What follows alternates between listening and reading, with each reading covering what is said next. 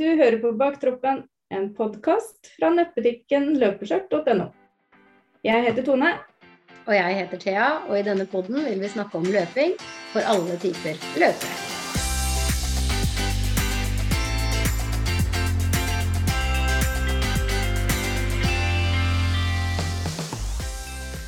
Hei, og velkommen til en ny episode av Baktroppen. I dag har vi med oss en gjest som vi har hatt med før, Heidi By Svartangen. Velkommen. Tusen takk, og tusen takk for at jeg kom en gang til. Det er veldig gøy. Det var veldig fint du ville være med en gang til. Det var liksom, Vi hadde egentlig ikke noe valg når det gjaldt deg, fordi at den episoden din har jo blitt en snakkis, om vi kan fortelle, eller om vi kan si det sånn. Den har jo stadig blitt tatt fram som et eksempel på når man snakker med flodhester og djevler og hoder som forsvinner ned i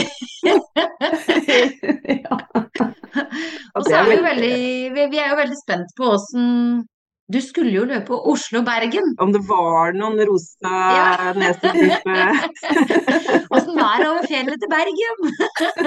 Det ble, ble veldig lite hallusinering den gangen her, altså, for klarte å naile sovinga litt bedre. Oh, ja. Eh, Så det var lite av det. Nina hadde et lite snev på siste etappen hvor hun så en mann med noen dobermannbikkjer. eh, Hvor jeg bare roa henne ned og sa at hvis ikke de bjeffa på deg når vi gikk forbi, så var de nok ikke ordentlig.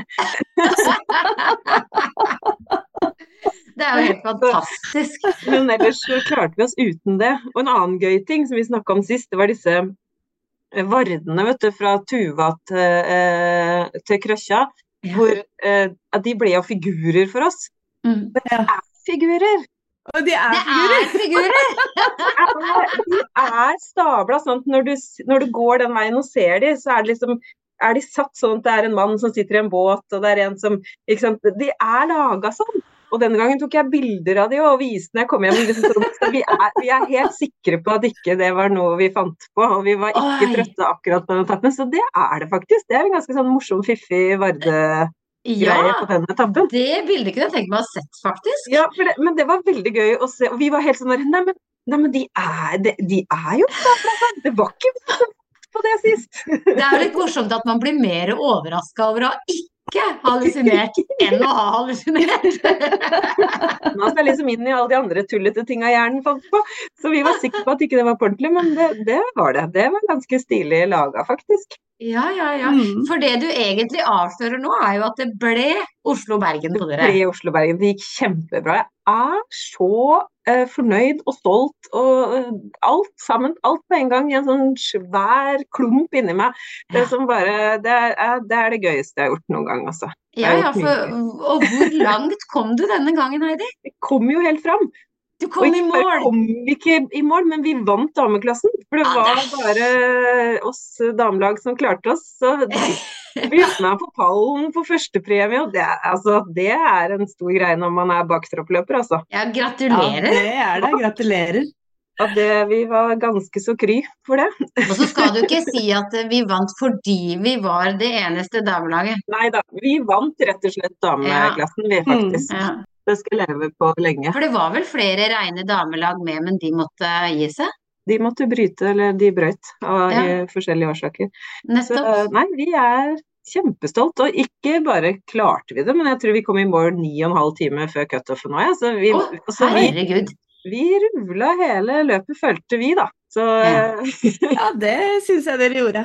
at vi liksom klarte virkelig å holde Men jeg må gi litt kred til Mona Einar, altså, som har helt tydelig, og det sa de også etter løpet, at de satte pris på tilbakemeldinga fra forrige gang, og at Ja. de har virkelig gått punkt etter punkt. Jeg sendte en ganske sånn lang, detaljert Ja, mail ja. på hvordan jeg mente de kunne forbedre det for å gjøre det en bedre løpsopplevelse. Spesielt kanskje for oss som ikke løper så fort, da. Ja, Mm. Og de har virkelig gjort det, altså. Det for det er de som er driverne. Ja, det er de som lager dette løpet. Ja. Eh, og det, det må jeg si, at det, det var en helt annen løpsopplevelse. Med Mm. litt bedre cutoff-tider, sånn at man hadde sjanse til å klare det. Det var ikke sånn at man hadde god, god tid. Mm. Eh, vi valgte jo da å sove kortere sant, for å ha litt buffer hele veien.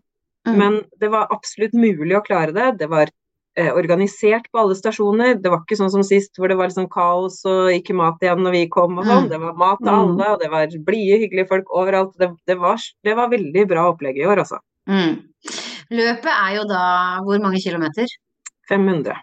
Det er 500 kilometer, ja. Og cirka er det rundt 20 000 høydemeter. Å Å, herregud, det er så Og det er fra Oslo til Bergen. Ja, fra Oslo til Bergen. Ikke ja. langs veien, men over fjord og fjell. Over fjellet. Ja. Eh, Åssen var været, Heidi? Det var mye regn. Jeg husker, Det var liksom et par dager med varme, eh, og da var det veldig varmt. Men det var, det var mye vått, altså. Det var, men det hadde vi jo regna med. Vi skal jo til Bergen. Det er jo mye regn. Men det regna hvis vi liksom begynner fra start, da. Så liksom, det begynte jo med regn. Altså Vi begynte i Oslo med regn. Det var litt sånn nedtur. Vi tenkte liksom at regnet kommer når vi nærmer oss Bergen. Det Mm, vet man jo. Men Mm. vi begynte rett og slett med regnvær også. Så vi var våt fra start. Ah. Og var vel stort sett våte, egentlig. Mye. Men hvor, hvor, Ja. hvor lang tid bruker man på ferden? Vi, skal vi se Ja, hva brukte vi Jeg tror vi hadde Hadde vi 224 timer på oss. Mm. Og vi kom jo da i mål 9 12 timer før den fristen, da. Mm. For de hadde nå lagt på 200 timer sist, de har lagt på 24 timer. Fantastisk. ja. Det er så rått, Det er veldig bra. Så det du sier da, er at da er dere på, på reise i 200 timer. Ni, ni dager er vi ute. i regnvær. Altså. Og jeg tror jeg sov vi, eller vi, vi sov ikke, vi hvilte. Og da vi så, sier vi når vi var på en stasjon, så sov vi kanskje tre timer, og så tar det liksom én time å spise og få kledd av seg og få lagt seg, og så prøver du å sove litt, og så må du jo preppe bein og teipe og ordne og spise og dra igjen. Så Ja. jeg tror vi hadde hviletid på 43 timer til sammen, bare. Å, herregud, på ni Og døgn. vi, ja, og vi brukte 171 timer eller noe sånt nå, og da Nettopp. sånn i løping, og så brukte vi 43 timer på hviling. Så Mm. 214 timer eller noe sånt. Mm. Men dere får jo ikke muligheten til å tørke klær og sånn da. Jo, altså på de stasjonene, det, det er jo mange av de som er ordentlige stasjoner, så, eller sånn type fjellstuer og sånn. Så da er det jo om å gjøre å få hengt opp litt, da, så du får Mm. tørka det litt. Pluss at ca. annenhver stasjon er det jo med dropbag, og da er det jo om å gjøre å få stappa så mye tørre klær du kan i den. Og jeg er Ja. veldig organisert, så jeg har jo alt mitt pakka i forskjellige ziplock-poser med CP-et ditt, med maten og klærne og Mm. så jeg, altså, jeg, jeg pakka jo så mye sokker jeg kunne, for sist hadde jeg for få tørre sokker. Oh, ja. Mm. Så hadde veldig mye tørre sokker med meg altså, for å kunne ha mulighet til å bytte til tørre sokker.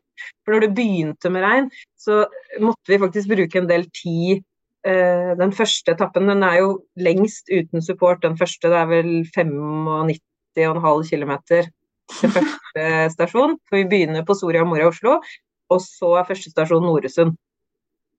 Eh, så den er jo veldig lang uten support. Eh, sånn at eh, Og da regna det, og Nina begynte å få litt sånn For dette er jo et lagløp, så jeg løp sammen med Nina, som jeg også løp sammen med sist, som er helt fantastisk å løpe sammen med. Mm. Og vi Jeg sliter veldig lite med beina, men hun kan har en gang tidligere fått litt sånn såleløsning, som det heter, liksom sånn trenchfoot, så vi var veldig obs på å få tørka beina en del på første etappen. Vi brukte, valgte å bruke litt tid på det. Og Mm. idet vi fikk redda det, så funka egentlig beina resten av turen ganske bra, altså. Selvfølgelig Mm. småblemmer, men, men eh, det var liksom Så lenge vi klarte å få de til å overleve det, så gikk det bedre. Og vi hadde liksom prøvd å preppe beina på forhånd. Man sov jo med hvit vaselin eh, smørt inn og sokker på de tre siste døgna før løpet går, for å ha huden litt sånn herda, da, sånn at den tåler fuktighet litt bedre. Ja. Så er det Mm. teiping og smøring eh, så ofte man kan underveis. Men det er liksom noe med det at når du går våt, jeg sier 17 timer, da. Ja. eh, hjel- Når det øspøs regn, så hjelper det ikke å ta av skoa. Altså sånn, Du får jo ikke tørka føttene, for det er jo Nei, vått. vått. Du går i myr til knærne, og det er liksom vått. Så det, det er liksom, da må det bare være vått, da. Mm. Så, men du blir vant til det òg. Jo da, jeg skjønner det. Men sjekkpunktene er da på hytter, DNT-hytter og sånn, eller? Ja, stort sett. Noresund eh, var jo på en sånn uh, type hytte. Da fikk man eget rom å sove på. Det, Ja. de, de, det er jo det vi liker best når laget får et eget rom. Mm. Uh, Langedrag er det jo bare mat. Da er det bare sånn telt midt i park, Langedragparken der. Mm. Eh, Og der sov vi bare ja, en halvtime eller sånn på en benk, da. Uh, stort sett. Sånn, det var sånne trebenker der, så vi lå litt på en sånn, hvilte litt, fikk gått på do. Fikk en kjempegod suppe. Uh, og kom oss av gårde. Og så hadde vi rett før start i Oslo, så oppdaga Nina at hun hadde glemt klips til sekken. Vi har jo liksom ganske stor sekk, vi har jo veldig mye obligatorisk utstyr som skal være med. Mm. Masse regntøy og ulltøy og mat og alt. Og så har vi en sånn frontpack på sekken. Mm. Så hun hadde på en måte glemt noen klips både til å feste den med og litt sånn forskjellig, som hun ikke fant. Så vi måtte være litt sånn innovative sånn kvarter før start, hvor jeg fikk henta noe strips og fikk stripse henne inn i denne sekken.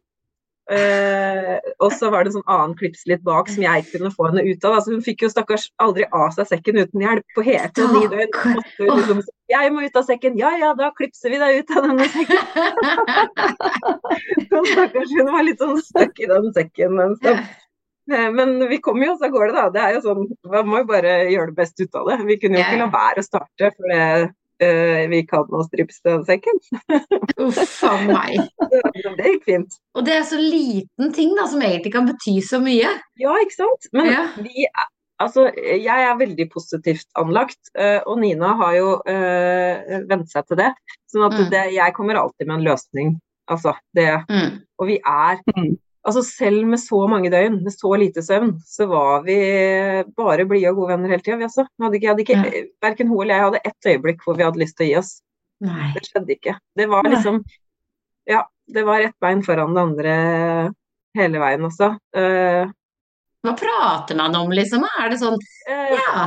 Innimellom prater man om livet, og innimellom så holder man kjeft i døgn. Eh, for at man, det pøsregner og det er tåke, og man går bare den ene foran andre, og man prøver å navigere, og man tryner det, Jeg tror den ene etappen så tryna jeg 20 ganger, for at jeg gikk nesa ned i klokka for å se hvor vi skulle.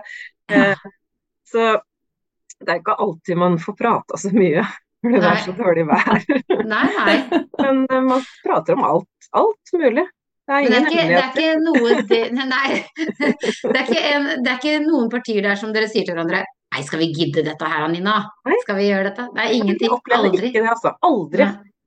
Nei. Vi selv vi hadde sånn litt sånn dritt eh, Da var vi veldig trøtte. Det var nest siste etappen er skikkelig kjip, fordi at den går på noe vi kaller Einarsti. Det mm. betyr det er ikke sti. Nei. Her er jo han ene som arrangerer, og da har han bare lagt GPS-sporet sånn du må herfra til derfra for å komme fram til neste sti. Og, den, og det er det innimellom på hele løpet, men akkurat den nest siste etappen fra Kvitingen til Gullbotn, mm. så er det nesten bare Einarsti. Og den dagen var det så drittvær Uh, og når vi liksom går fra Kvitingen da, og begynner å klatre oppover Først måtte vi over en elv hvor vi var litt nervøse og vi havna, fikk gått litt feil og havna ned i et sånt juv. og Det var første gang vi var litt redde, faktisk. Mm. Men kom oss nå i hvert fall ut av det eh, og begynner å klatre oppover. Og så bare kommer tåka, og det regner sideveis sånn i ansiktet, så du mm. ser ingenting. Og vi kaver oss opp, og er, nå er vi jo skikkelig trøtte, ikke sant og glemmer å spise og glemmer ikke sant? For man, nå vil man bare fram, og det er drittvær, og du må ta av deg ikke sant? Det blir natta, du må ta av deg alle de våte klærne for å få på deg ulltøyet. Som du vet blir klissvått mens du tar det på deg. Det er ikke noe vei utenom det. Du må liksom av med alt det våte tøyet, på med ulltøyet som da blir klissvått, på med alt det våte tøyet utapå det våte ulltøyet, og så videre. Eh, for du veit at du kan ikke gå gjennom den natta uten ulltøy innerst. For vått eller ikke vått, så hjelper det med ull, altså. Ja, ja, ja. Eh, og så begynner vi å klatre oppover igjen. Og så sier GPS-en at dere skal rett opp her. Og den skråningen ser sånn helt sånn Ja, du tenker nei, det kan ikke stemme. Nei. Det er bare kratt og vier og drit.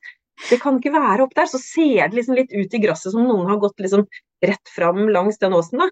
tenker vi, mm. ok, Hvis vi går lett fram, og så skjærer vi opp, og så går vi opp langs hele åsen, da kommer vi jo til samme punktet, tror mm. vi. Ja. Eh, så vi gjør det.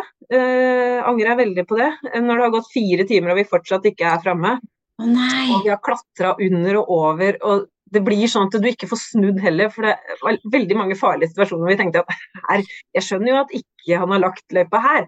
uh, og så kommer vi endelig opp der hvor vi trodde spor var, og så ser vi på GPS-en og så bare Nei, hvor er sporet, da? Det burde jo vært her. Uh, og så hopper liksom Det føles ut som som løypa liksom hopper fra oss hele tida. Hver gang vi kommer litt nærme, så bare hopper den videre. Til slutt så ringer jeg til mannen min jeg er midt på natta, ringer hjem og sier sånn Kan du slå oss opp på den store PC-en? Hvor er prikken vår i forhold til det sporet, egentlig? Mm. Uh, og han står opp og slår opp og greit han der. Uh, og så sier han ja, jeg ser hva dere har gjort feil, dere er på feil topp. Dere skulle jo vært på neste fjelltopp, dere. Eh, og vi bare OK, så da får vi liksom klatre oss neste, og da finner vi sporet. Og ett fra det punktet så ble vi dritgode på å ikke kødde med GPS-sporet. Vi tok ingen egne avgjørelser etter det. Nei, Vi ja. fulgte GPS-sporet til hver millimeter, og det anbefaler jeg alle å gjøre. Ikke, ikke tro du er smartere enn det GPS-sporet, altså, for det er en grunn til at de har lagt det akkurat. Men var det egentlig opp den der bratte Ja, ja, det var jo selvfølgelig det. Og det var sikkert bare en liten sånn knaus som hadde vært mye bedre når vi kom opp, ikke sant. Ja. Men når du er så trøtt, og da har allerede vært ute i åtte døgn, så, så er du ikke så smart lenger, rett og slett. Fornuften forsvinner. Ja, det er ikke så mange hjerneceller igjen som, som på en måte samarbeider. Sånn at eh, det som føles smart, er ikke smart. Så bare følg planen, følg GPS-sporet, ikke finn på noe eget. Det jeg skulle fram til, er at selv da, etter over fire timer som Heldigvis hadde vi jo mye cut å få gå på, sånn at eh, vi var ikke så stressa på tida. Men etter å ha rota bort fire timer i øs pøs regnvær og tåke hvor du ikke ser nesa foran deg, og flere ganger litt sånn skumle forhold, Mm. så ser vi bare på hverandre og bare sånn ja ja, nei men dette går bra, vi kommer oss fram. Eh, ikke, selv da var det ingen av oss som hadde lyst til å gi seg, altså. Selv om det var så vått og dritt. Ja. Eh, og så kommer vi oss inn på sporet og får klatra opp i et fjell, og akkurat da så åpner himmelen seg. Eller sånn, ikke sant, ikke med regn, men det bare skyene sklir til side. Å, ja. Og det er bare den nydelige utsikten med soloppgangen, og vi bare Åh, det var belønninga. For, Ja, ikke sant.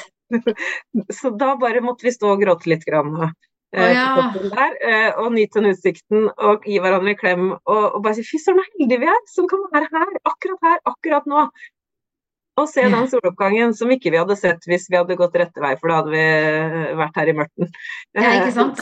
Så vi liksom, vi klarte å nyte alle, alle øyeblikka eh, samtidig, som det var selvfølgelig vondt og vått og hardt og trøtt og eh, Men det visste vi jo, det var vi jo Mm. forberedt på. Ja, ja. Eh, Men visste dere, eller ser dere når folk faller fra? Ja, altså sånn på noen Noen ga seg jo på stasjonene, da. Mm. Så da vet man jo at de ikke blir med videre, når de sier sånn vi, vi klarer ikke herfra ut, liksom. Så, så da Prøver dere å backe hverandre da, liksom? prøver alltid. Så er sikker på om du kan, dere kan jo gå sammen med oss, eller kom igjen og kanskje klare litt til, eller Men akkurat i det løpet her så var det jo Måtte du være lag, ikke sant. Så hvis det er to og én skader seg, så må jo den andre gi seg òg. Ja, for den kan ikke henge Mm. seg på dere, liksom. Det kan ikke bli et lag på tre. Nei. Nei, det er, ikke, det er det er ikke lov å liksom henge seg på nytt lag. Eh, Nei. Neste gang, eh, De kjører jo ikke neste år, men i 2025 så skal de jo ha individuell klasse, og da kan du gå over til individuell, tror jeg. Hvis du er én igjen. Å ja. Ok, ja. Ja. Og i år var det sånn at da må du gi deg, liksom. Hvis, en, hvis, Mm. hvis du er igjen aleine, da, så får du ikke lov å gå aleine. Nei, for det er sikkert ikke like gøy å gå aleine heller, da, selv om Ja, nå skal det jo åpne for at man kan det, men Ja. jeg følte jo at det var veldig trygt at vi var to, altså. Ja. Mm. Som at man er i, Etappene er jo så lange mellom Mm. servicestasjonene, ikke sant. Det er jo ofte et, ja, et døgn. Jeg vet ikke, vi eh, Ofte når jeg ser på liksom tiende, så bruker vi jo liksom ja, Vi brukte 24 timer på første etappen, 22 på andre, og så 10 på neste til neste stasjon. 19, 15, 21 timer, 24 og en halv time, 17 timer. Altså, det er jo veldig lenge du er uten support, Ja. Mm. og da er det jo trygt å være to ja, det er jo det. når du skal navigere òg. Du, du føler deg veldig aleine. Hvis du blir veldig usikker, da, på å herregud, er det her eller der, eller ja. Mm. eh, Så er det godt å, å kunne snakke med noen. Men jeg tenker på det når dere da begynner å surre dere vekk i fire timer langt oppå på Ja. fjellet der. Da ser man jo den dotten deres. Er det sånn at Ja. arrangørene også da vet at dere Men har jeg tror ikke vi var langt nok unna sporet til at de tenkte at vi var sånn Nei. helt ute å kjøre. For vi, bare, vi var nok ganske sånn parallelt, men på en måte bare på feil Mm. spor, da. Eh, For hvis du går langt unna, så ringer de Ja, okay. Ja, de gjør det. og sier at nå er du feil. Eh, Så de er absolutt, de passer på deg hele tida, altså. Men vi var nok Mm. ikke liksom for, så langt utafor uh, at det, alarmen gikk, liksom. Og det var for så vidt greit, for det var ikke noen annen måte for oss å komme tilbake dit på enn der vi gikk, da. Så vi, ikke sant, sånn at vi uh, Ja, det var ikke noen annen løsning på det enn et tegn foran det andre. Man var tilbake der man skulle. Så, og vi kunne jo blitt skikkelig sure for å ha brukt liksom fire timer på det, men vi ble ikke det. altså Vi tenkte bare ja, ja, det, vi hadde tid til det, det går fint. Vi, det, vi skal ikke rekke noe annet. I dag vi Vi hadde tid til det. Fire timer Jeg fra skal ikke hjem og lage middag, jeg, liksom. middag på Nidølen, så det går fint. Jeg kan bare være her. Men eh, dere skjønner jo sikkert ganske tidlig at For dere, de, de, de, dere trakk dere jo i fjor, eller dere måtte gi dere ja, i vi fjor. rakk jo ikke, vi kom en time for seint eller noe sånt til Vatnehalsen i fjor. Ja. Så da ble vi jo kasta ut. Uh, for det, ja, da går det jo ikke. Men nei, i år så uh, vi, hadde jo, vi hadde jo lagt en plan uh, på liksom hva vi tenkte vi kunne klare, og Mm. hvor lang hviletid vi da ville ha, og litt sånn, ikke sant. Så vi, planen vår var jo Altså, når man forsker på det, så er én søvn, søvnsyklus ca. halvannen time. Så det er, det er ikke så lurt å sove så det ikke klaffer med søvnsyklusen. Da. Så vi var liksom enten må du sove halvannen time eller tre timer, ikke sant. Eller seks timer, eller ja. Mm. Eh, så det var liksom planen vår å prøve å få til to søvnsykluser helst, da. Mm. Sånn at du liksom sov tre timer eh, på stasjonen hvis vi kunne, og mer hvis vi hadde mulighet. Mm. Men å Mm. prøve å få to søvnsykluser. Og det, er jo, det var jo greit nok, men det er etter hvert veldig vanskelig å sove eh, så lenge. Fordi Mm. at du er så Kroppen er så go, da. Den vet at ikke vi er ferdig, ikke sant. Sånn at, eh, mm, Ja. Og etter hvert så verker det overalt. Og man prøver å finne en sovestilling, og det er liksom sånn plasttrekk på de sengene, og det knirker og det sant? Det, er, det er liksom mange elementer som gjør at det ikke er så lett å sove så godt. Men eh, vi måtte etter hvert ta sånne ti minutters powernaps da, her og der. Ja, som dere bare legger dere i lyngen, liksom? Ja, for det forska jo jeg på på det alpeløpet jeg gjorde i fjor. At Mm. det gjør at du slipper den hallusineringa. ikke sant? Du bare legger deg ned, setter ved telefonen på ti minutter alarm, Mm. sover ti minutter, reiser deg opp, bare begynner å løpe med en gang. Ikke, ikke, liksom, ikke tenk, ikke gjør noe ut av det. Rett ned, rett opp. Og da tar vi ikke av sekk, ingenting. Hvis det var fint vær, så tok vi av skoa for å lufte føttene, bare. Dere tar ikke av sekken engang? Dere legger dere med sekken på? Ja, ja. Vi bare eh, hvelver i lyngen med sekken. Fordi at det, Å ta av sekken når du har så mange klips og så mye greier, det tar flere minutter. Det, det har ikke vi. vi virkelig, Jeg vet at flere lag hadde god tid og stoppa på flere ekstra hytter, for det har du jo lovt, ikke sant. Ja. Eh, og sover ekstra sånn. Vi stoppa ikke én eneste ekstra gang, var ikke inne på en eneste ekstra hytte. Vi eh, brukte all tida på å bevege oss for å klare det, rett og slett. Altså. Vi var stort sett i bevegelse hele tida. Så vi hvilte lite, men vi hadde noen timinutters powernaps. Og da, når det er drittvær, da, så satte vi oss bare inntil en fjellknaus sånn, så sklir du litt nedover, for da går sekken litt opp i nakken, og så lener du huet bare på sekken, og så tar du ti minutter der, da. Ja, det er ikke bare bare å være baktroppen. Ja, men har dere, på- har dere på klokka, da? eller? Jeg har bare sett på telefon, ti minutter. Og, du, er, og gjerne, du skulle jo tro at du ikke klarte å våkne, men du gjør, ti minutter er en sånn magisk eh, tid, altså. Hvor du ikke Mm. kommer så dypt at ikke du våkner. For sover du litt lenger, så begynner du å fryse, og det blir kald. Det blir mye Mm. gærent hvis du ligger mer enn ti minutter. Ja. Eh, men ti minutter er magisk. Og hvert ti minutter gir deg ca. to timer eh, våkenhet. Å ja. Når du er sånn skikkelig trøtt. Så når du tar Ja. ti minutter powernaps, så vet du at da er du ganske fresh i to timer også. Så kan du strekke det kanskje én time til, og så må du ta en ny ti minutter. oh, ja.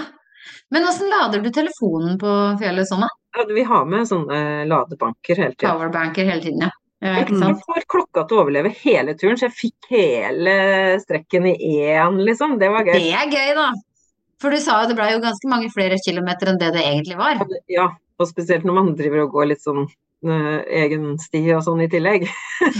Hva, hva sto det på klokka di når du var ferdig? Hvor mange kilometer sto Det sto 570 et eller annet sto det på klokka. Og så fikk jeg Men da hadde eh, Når vi var på stasjonene, så sto Da var vi jo inne, ikke sant. Da sto klokka plinga litt sånn.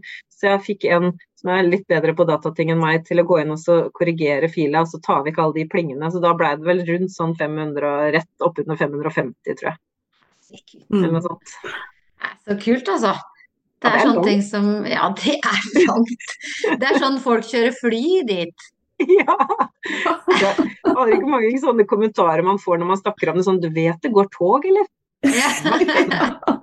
Ikke bare tog, det går faktisk fly. Det er liksom. Det er ganske kjipt. Men, og, men jeg har lagt løypa på fantastisk vakker eh, spor, altså. Jeg må si eh, det, det er en naturopplevelse å løpe det løpet. Det er veldig mye vakker utsikt. Mm. Men er det en sånn sti som også er lagt opp for, for Gud og hvermannsen, holdt jeg på å si, som man kan følge og finne Absolutt. hytter tettere enn at man må løpe, da.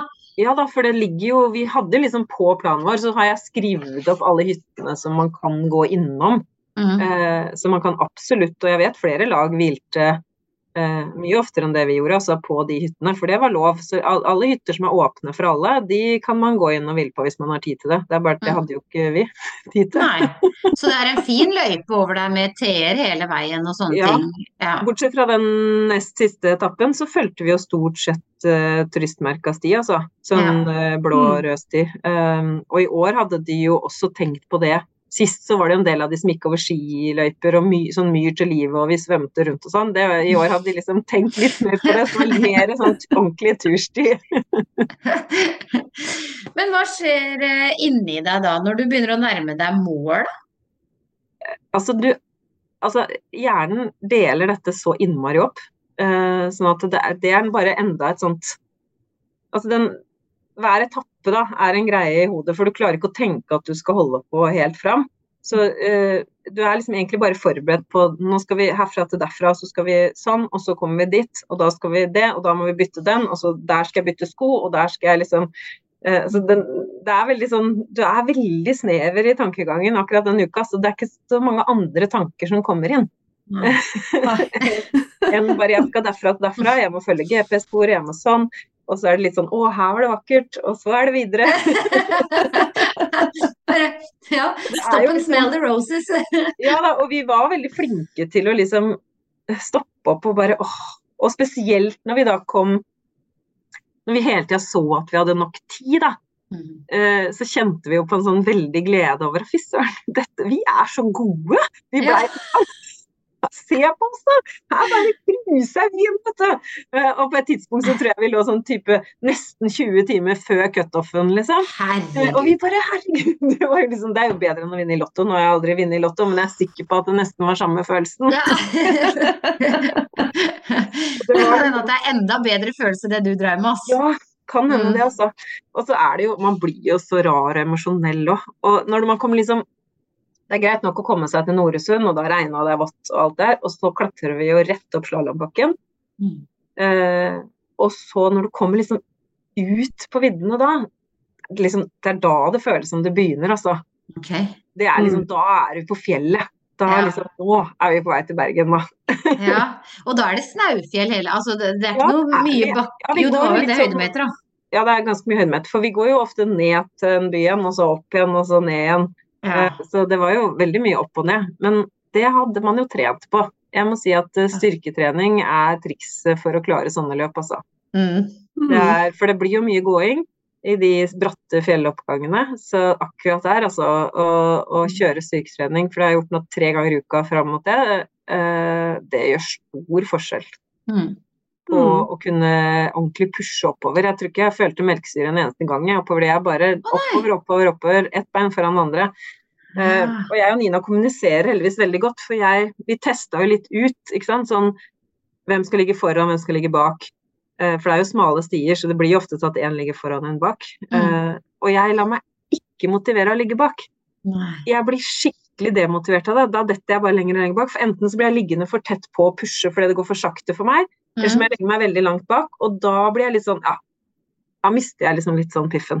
Å ja, du gjør det. Jeg måtte liksom ta en runde på det. Åssen følger du det når du ligger foran og bak? Åssen følger jeg det?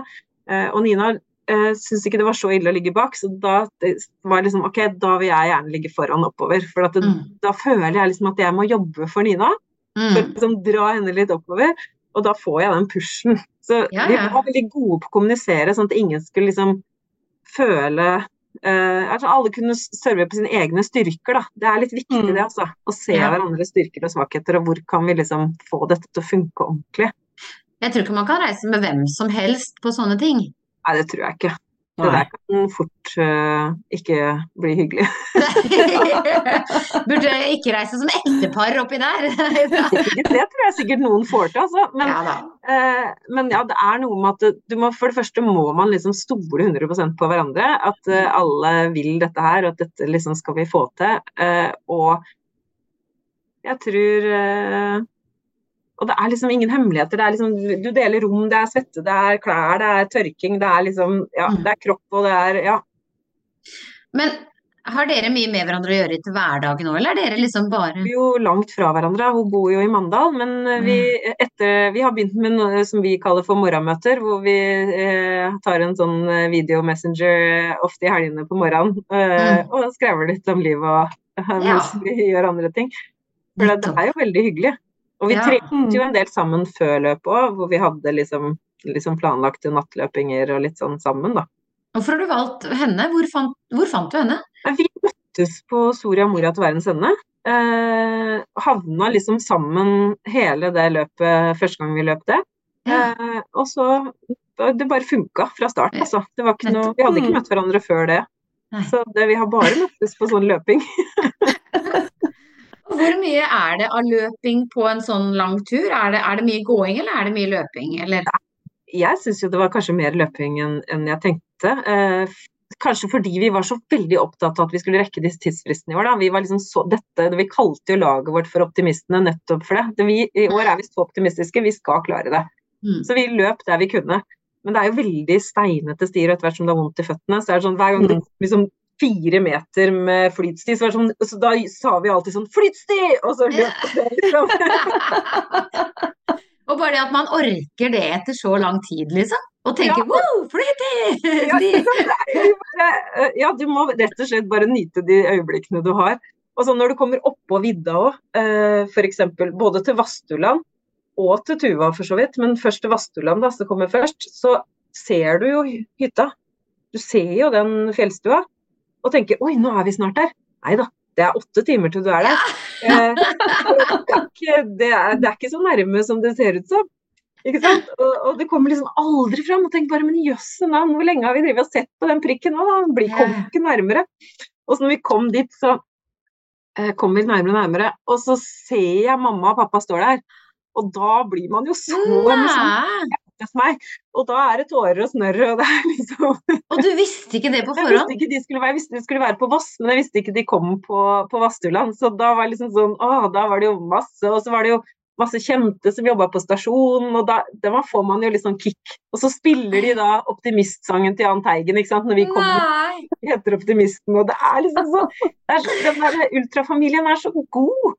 Det er, så, Mm. det er så mange sånne gode øyeblikk da, som gjør at de løpa betyr Åh. enda mer. Ja, det hørtes helt liksom- fantastisk ut. Det er kjent folk overalt, og vi følte veldig genuint at alle ville så gjerne at vi skulle klare det. At de var så veldig sånn åh, de må klare det i år, liksom. Vi følte at alle backa oss så innmari på det, da.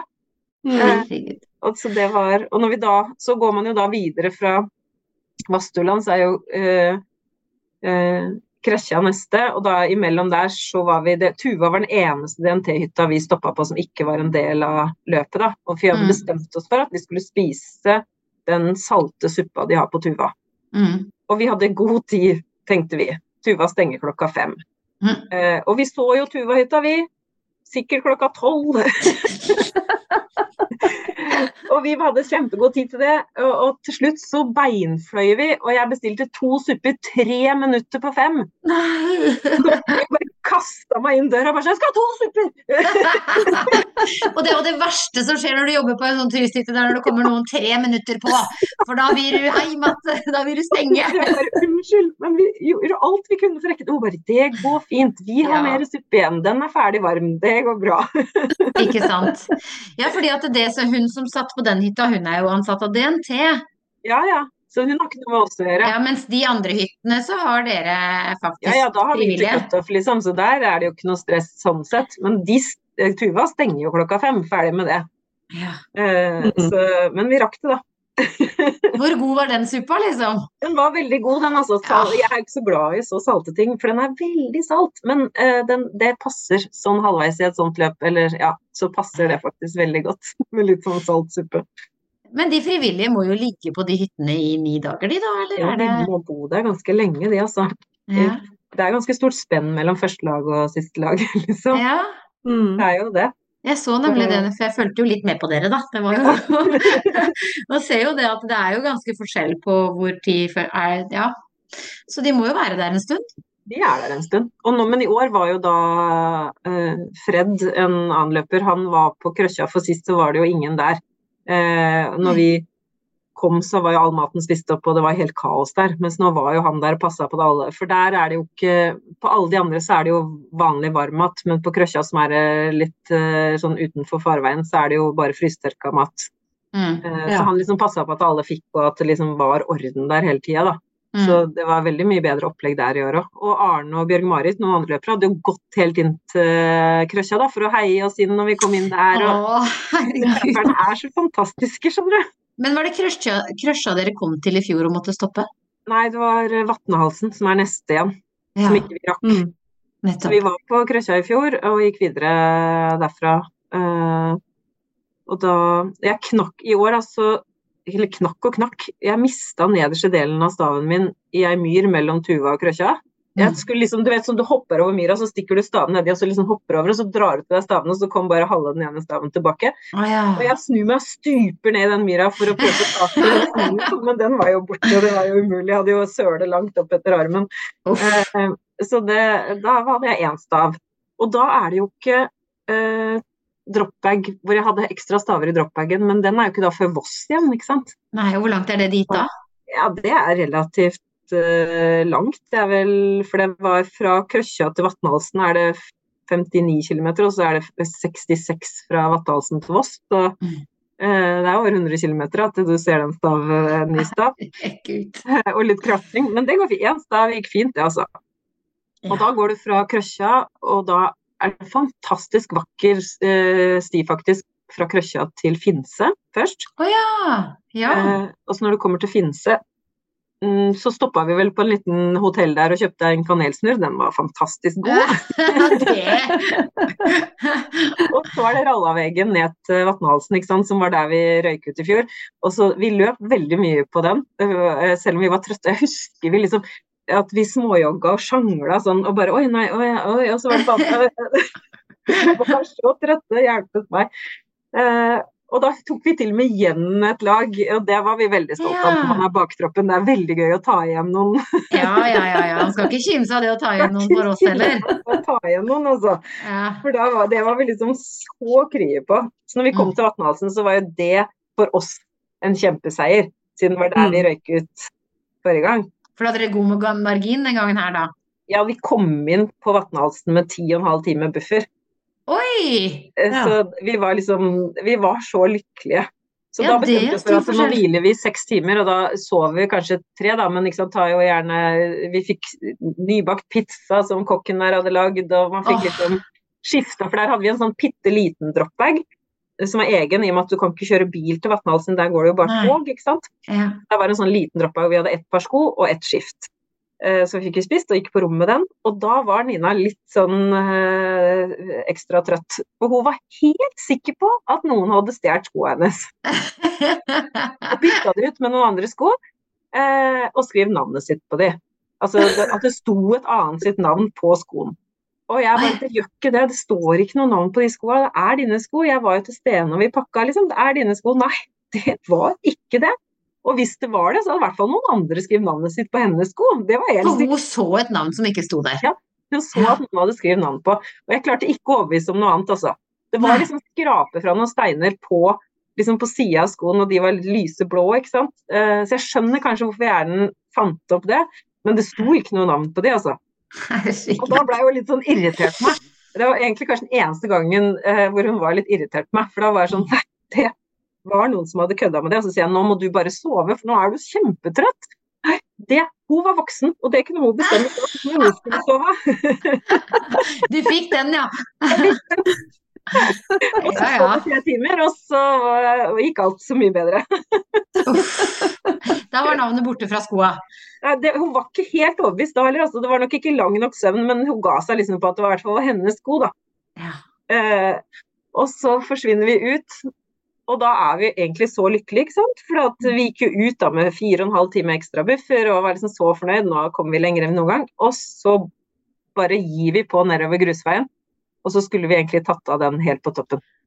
Og heldigvis så piper klokka mi etter en, og sier sånn 'hallo, dere er feil'. Og da har vi liksom rekt å komme For det var ganske sånn bratt nedover eh, og lettløpt, ikke sant. Mm. Så må du snu og gå oppover hele den igjen. Det var, liksom, det var, ikke så gøy. Og det regner jo selvfølgelig igjen, for det gjorde det jo veldig mye. Og så tar man av den veien og går på en sti som jeg kanskje egentlig ikke tror uh, noen har gått på uh, siden forrige gang. og så husker jeg det var sånn veldig steinete, kronglete det var egentlig veldig vanskelig å finne ut hvor man skulle gå. For at den, steinene var så grå, og været var grått, og alt gikk liksom i ett. Mm. Så jeg husker vi, ja, vi surra og røra litt, bare liksom Syns det tok så lang tid da, å komme over den. Eh, men etter hvert som det ble dagslys og vi fikk kommet oss ned på andre sida, så ja, tok vi en ti minutters powernaps bak et naust. Uh, det er så fantastisk. En sånn gammel dør som hadde hvelva, så tenkte vi legger oss oppå den, og tar ti minutter her. Herregud, er det Du blir, blir, veldig ukritisk til steder det går an å sove, altså, for det går nesten an hvor som helst. Det er ja, helt sikkert. Det blir primitivt. Ja, ja, ja det, altså, det å kunne sove bak det naustet på en dør, det var jo det mest luksuriøse vi hadde hatt på lenge. For da lå vi jo ikke på bakken engang, liksom. Og så jobber vi også til Voss eh, og kommer inn der, kjempefornøyde. Der var også mamma di, men det visste jeg jo, så jeg var ikke så emosjonell da jeg så de der. Nei. Og det var en som hadde stilt opp med privathuset sitt, altså. Eh, og rydda ut av stua, satt opp noen feltsenger øh, og greier der. Og det var jo øh, ganske sånn dårlig vær når vi kom inn. Uh, og da kom, hadde vi 19 timer buffer når vi hadde kommet til Voss, så vi hadde liksom klart å ta inn ganske bra med tid, da. Ja, det er jo helt sykt. Ja, vi var mm. så fornøyde. Så da bestemte vi oss for at nå skal vi hvile ganske godt her. For her er det liksom seng. Vi var usikre på hvordan stasjonen på Kvitingen var, for sist hørte vi at det bare var et sånt telt. Men nå var det et hus, da, så det var jo Men vi tenkte vi skal i hvert fall sove godt på Voss. Så jeg tror vi hvilte der nesten ni timer. Og likevel så gikk vi jo ut med ti timer ekstra buffer allikevel. Mm. Ja. Uh, for det var vanskelig å sove. Uh, Da er det flere folk i samme rom, og det, det blir mye sånn. Men uh, vi spiste og kosa oss. Men når vi sto opp da, så hadde de hengt opp varsel om endring av løypa. da hadde de aktivert en sånn sikkerhetsrute, fordi på natt For det var, vi var tre jeg husker ikke om vi var tre eller fire lag som sov samtidig på Voss. Og så var det vel i hvert fall tre lag ute. Og ene laget, eh, i løpet av natta mens vi sov da, så hadde det blitt skikkelig storm. Mm. Så de hadde måttet ta inn på nødhytter alle sammen. Hadde liksom, oh, ja, de måtte det, ja. ja. De hadde blitt pålagt å, å, å ta inn på nødhytter. Pluss at etter det igjen så hadde jo det ene laget blitt tatt av en elv og mistet liksom, alt utstyret og vått. Nei. Så da fikk ikke vi lov å gå over den elva da, etterpå. Nei. da fikk vi ekstrarute. Uh, som for så vidt var helt grei. Det var jo bare en grusvei, og så klatra vi bare opp på andre sida der hvor den elva hadde vært. Mm. Uh, så vi følte jo at de virkelig ivaretok oss også hele tida, passa på liksom uh, Sånn at det skulle være trygt for alle utøverne. Mm.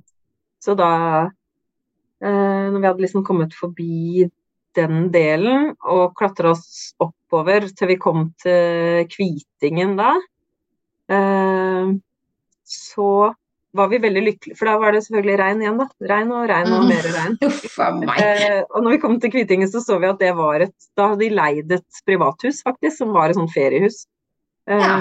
Og der hadde de liksom Og de lagde så god hjemmelagd mat og bakt, og det var liksom åh, det var så ordentlig godt. For den ene mammaen til den løperen var på den stasjonen, og han Freddy som var på krøkja. Og de hadde liksom bakt, og de lagde arme riddere til oss, og vi fikk liksom ah, De passa så godt på oss. Og der fikk vi også et eget rom å sove på. Ja. For der kom vi inn med 20 timer buffer. Så da blei vi der i 6,5 timer, vel. Og gikk ut. Får dere lov til å låne dusj og sånn nå, da, eller? Ja, ja, men vi prioriterte ikke å ta oss tid til å dusje. Så det var om å gjøre for å sove så mye av den ja. hviletida som mulig. Mm, ja. Så det ble lite dusjing, for å si det mildt. Ja, mye kattevask, da. For det var liksom, og fikk pussa tenna og liksom fikk vaska seg. Det var det viktigste. Og tørka seg, ikke minst. Mm. Og da, etter Kvitingen, så kom jo den derre eh, Einarsti-etappen. Nettopp. Vi hadde grua oss litt til, hvor det blei mye surr og vi gikk litt feil. Men uh, vi ble ikke noe sure for det. Vi tenkte at nå ble vi nummer én skikkelig gode på navigering etter det der. vi lærte så mye. Aldri så galt er det gått for noe. Og så så deilig det var å komme fram til Gullbotn da, eh, etter ja. den etappen der. Da var vi jo så lykkelige, for da hadde jo jeg eh, selvfølgelig klart å knekke en stav igjen, da. du gjorde det to ganger? Jeg knekte stav, jeg tror det var mellom Voss og Kvittingen igjen. Ja. Så, i og med at vi, eller når vi drev og navigerte så fælt, og så gikk jeg jo med nesa nedi og sklei, og, og det var søle og gjørme og myr, og ja, så landa jeg oppå staven. Så da knakk jeg den. Mm. Og den var ikke like høy som de andre knakk, men jeg visste jo jeg hadde én ekstra stav på Gullbotn da. Og jeg hadde den en der, ja. Jeg hadde jo liksom den som var igjen fra det forrige paret, som jeg hadde Ja. knekt. Men de var ikke like høye. Så av en eller annen grunn så det er to for ikke sant? Så da, Siste etappen gikk med én lang og én kort. Det er en rar følelse. Det går bare bra å ha den lange i høyrehånda. Men hvis Ja. det er høyrehendt For hvis jeg bytta, så ble det veldig skjevt og rart. Ja, ja, ja. Med lange høyrehånda, så gikk det bra. Så du gikk egentlig med to knekte staver for å prøve å få balansen på knekte staver? Ja, ja, de- knektstavene de la jeg igjen, eh, men jeg hadde jo én hel fra hvert par. Ja, selvfølgelig. Ja, ja. Men de var ikke like lange. Nei, selvfølgelig. Av grunn så hadde jeg en på 115 og en på 110, eh, for det var jo kjøpt i to forskjellige Ja. omganger. Men det, det er utrolig hva man kan få til å funke, altså. Ja, ja. Og så må jeg si at den, den siste etappen, og vi, da var vi veldig rolige, for da, på det på tidspunktet så visste vi at vi kom til å klare det. Mm. Da var vi liksom 100% sikre på at det, hvis ikke noen brekker beinet nå, så er- rekker vi dette her. Bank i bordet. vi, ja, nå har vi så god tid. Ja, vet du, jeg er jo så positiv at jeg, jeg tenker at det, det er ingenting som skal skje nå som skal ødelegge dette for oss. Nei. Og når du går ut av Gullbotn stasjonen, så er det egentlig så begynner du ganske sånn fort rett opp. Mm. Eh, og, vi, og da uh, vi, vi, vi brukte ganske lang tid oppover der. Uh, og tok vel en ti minutter så vi bare lente oss inn til en stein og klatra opp. Og så klarna det opp. ikke sant? Så regnet slutta. Det var egentlig ganske fint vær. Altså når du kommer oppå der, så skjønner jeg hvorfor disse bergenserne skryter sånn av den bergensvidda si, altså. Eh, for det, det er noe helt annet. Helt Mm. annen type terreng. Mm. Det er jo så grønt, for det første, fordi det regner så mye. Ja. Bølger den seg sånn Det var som å tatt ut av en Ringenes herre-film, rett og slett. Det Var det vidden ifra Hvor ja, går fra det ifra? Gullbotn inn til Meiparken og inn til Bergen, liksom. Hele, hele den etappen over viddene der, det, det var forferdelig vakkert, altså. Ja. Eh, de, ha, de hadde et helt de har veldig sånn godt system. De hadde sånne svære varder som de har murt opp, Mm. eh, som er nummererte. Eh, så det var jo veldig lett å se hvor neste punkt var hele tida. Og sikkert veldig lett hvis du må redde noen, så kan du bare si jeg er i nærheten av Varde 97, eh, så vet du hvor det er. Kan være derfor de har gjort det. Vil jo tro det. Og så hadde de sånne nødkasser, det har jeg ikke sett noe annet sted i Norge. Vi lurte først på hva det var. Ser ut som en sånn stor kiste. Nå har det ganske sånn øh, øh, rød og gule. Som sto på bein, liksom. Tenkte vi hva er det, er det liksom bensin til scooterne til skiløypa, eller hva er det? liksom? Vi gikk bort igjen, og står det sånn skilt på, på norsk og engelsk at oppi der så er det telt, mat øh, og noen sånne vindgreier og ja, flere liksom sånn nødting som er oppi den. Fantastisk! Jeg tenker at Hvis du ringer, så kanskje de sier sånn Ja, men det er en sånn nødkasse, stå så langt unna der, gå dit, liksom. Så Ja. Prøv å sette opp telt med brekt bein. ja, prøv å sette opp telt. Få noen til å hjelpe deg, eller Det er liksom mange ting oppi den kassa. Jeg tenker sånn Det var jo ikke dumt, egentlig. Nei, det burde jo flere tenkt på. De er kanskje mer vant til turister som får rota seg opp, i og med at det er så lett å komme seg opp fra Bergen by og, og bare mm. sånn, ta banen opp og så gå, gå Mm. seg litt bort opp i fjellet der, da. Mm, over vidden, ja. Ja, i forhold til vi som må kjøre langt. ja. Eller løp langt. Ja, At det er litt tilgjengelig. Det er så tilgjengelig, liksom. Men det var veldig vakkert, altså. Vi nøyt virkelig den siste etappen. Og da var det bra vær, sa du? Ja, da var det bra vær. For jeg husker at eh, For det er litt vanskelig å huske hvem dager det var dårlig og bra vær. For at alt gikk liksom i en sånn surr oppi huet. Men jeg husker at vi både så solnedgangen og soloppgangen.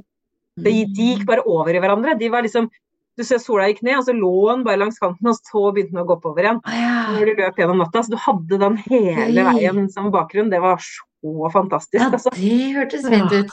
Det var, ja, det var Når du liksom lå oppå der hele natta, så var det Selv om du liksom bevegde deg hele tida, så hadde du med deg liksom solnedgang og soloppgang. Det var virkelig vakkert. Og så er det jo da å komme seg ned mot Bergen, og du ser jo byen ganske sånn tidlig. Um, så det, det motiverte jo litt for å sette farta der på slutten. Ja, ja. Det var til og med så Mm. gærent at uh, når vi var på toppen, så er det jo grusvei helt ned til mål. Så da løp vi hele veien. Altså. Da ja, fikk eh, beinsmerte være beinsmerte. Men går dere ned, er det, er det ved Fløyen eller Ulriken Ja. eller noe sånt når dere går Ja, ned du Fløyen? går liksom ned fra Fløyen i med Med de, med de, med de trappene? liksom. Nei, det er ikke trapper der. Nei, ikke trapper. Er bare Nei, grusvei. I sånn ja. sikksakk Stemmer nedover. Ja, Og så er jo mål da rett nede i den Maiparken rett på neset. nettopp. Uh, og de som fulgte oss på prikken, ikke sant? de trodde vi at, de, at det var en stunt så stakkars mamma rakk oss jo ikke i mål. Eh, for at vi løp jo altfor fort ned, så hun kom jo hespressende og bare Nei, nei, dere løp altfor fort i morgen! Ja! Og hun tenkte nå har de god tid, så nå tar de det sikkert med ro ned. Ja, hotell bare rett nedafor, ikke sant. Så de, liksom, det går fint. Fader! Men da sa jeg jeg gjør det ikke, jeg går ikke tilbake og gjør det en gang til, altså. Nei! Du kunne tatt banen opp, og så kunne du bare løpt samme greia ned igjen. Men det, det var jo så hyggelig å komme i mål, og all den heiinga og, og Richard og Bent som hadde liksom kommet i mål noen timer før oss, de sto jo opp og sto med svære flagg og heia oss i mål igjen, og det var, veld, det var jo helt fantastisk. Eh, Visste dere da at dere vant dameklassa? eh, ja, det, det husker jeg faktisk ikke om vi visste, eller om noen sa det med en gang vi kom i mål. Det husker jeg ikke. Vi var ikke så opptatt av det, vi var bare opptatt av at vi hadde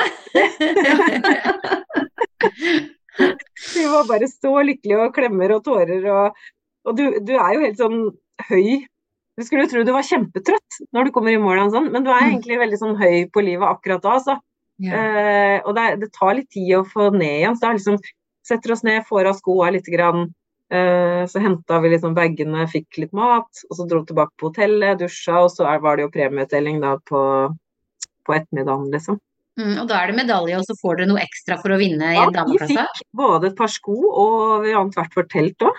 Oi! Så det var skikkelig bra premier, altså. Ja, det får en si. Og svær og fin medalje. Ja, det Så det var veldig gøy, altså. Så det var ordentlig seremoni, og alle fikk en kanelsnurr hver, og det var liksom det var, Møtte dere mange folk opp ifra Bergen? Sånn tilfeldige folk?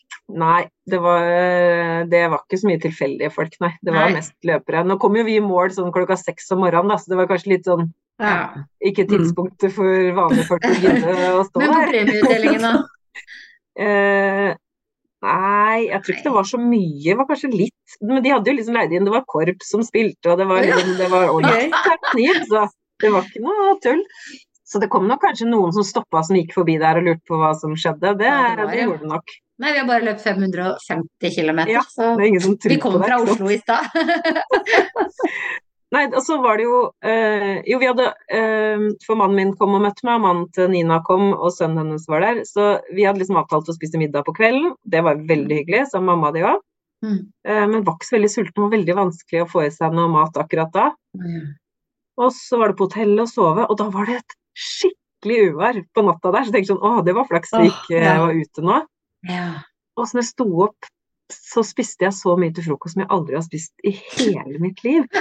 Jeg har aldri vært så sulten. Jeg var sulten i to uker. Og jeg, var så, vet du, jeg kan ikke beskrive den sulten. Jeg var så sulten at hjernen meldte sult mens jeg spiste. Nei, men Jeg kunne sitte og spise mat, og så sier liksom kroppen sånn «Eh, jeg er sulten, ja. Ja ja, men vi holder jo på å spise nå. Ja, men du har tenkt å spise mer enn det, eller? Nei, veit ikke, vi er ikke ferdige ennå. Ja, men det ser veldig lite ut. Det er liksom sånn Ja, men slutt, da. det høres ut som du blir litt gæren på de Jo, turene dine. men det er det rareste. Den sulten er det rareste jeg har vært med på. Og jeg var så lykkelig første gangen jeg følte meg mett. Uh, at jeg tenkte sånn, For jeg var redd jeg kanskje aldri ble mett mer i hele mitt liv. Jeg tenkte at eh, skal jeg bare gå rundt og være så sulten hele tiden? Men, men Heidi, du sier det at du har hele økta på Strava, men kan du også se hvor mange kalorier som ble borte? Uh, ja, det kan det nok. Jeg veit ikke om jeg så det, men det kan det nok. Den klokka har jo målt det hele veien, men jeg veit ikke om du kan stole på den. Altså, Nei, men sånn cirka, i og med at du sier at du er så sulten, da. Jeg gikk ned seks kilo. Du gikk ned seks kilo? Ja. Ja. Seks kilo, og det, og det er rein eh, fett liksom, og muskelvekt som du har brukt opp. For den, det, da har jeg tatt vekk den For det er så snålt den der når du kommer i mål, og så begynner du å hovne opp.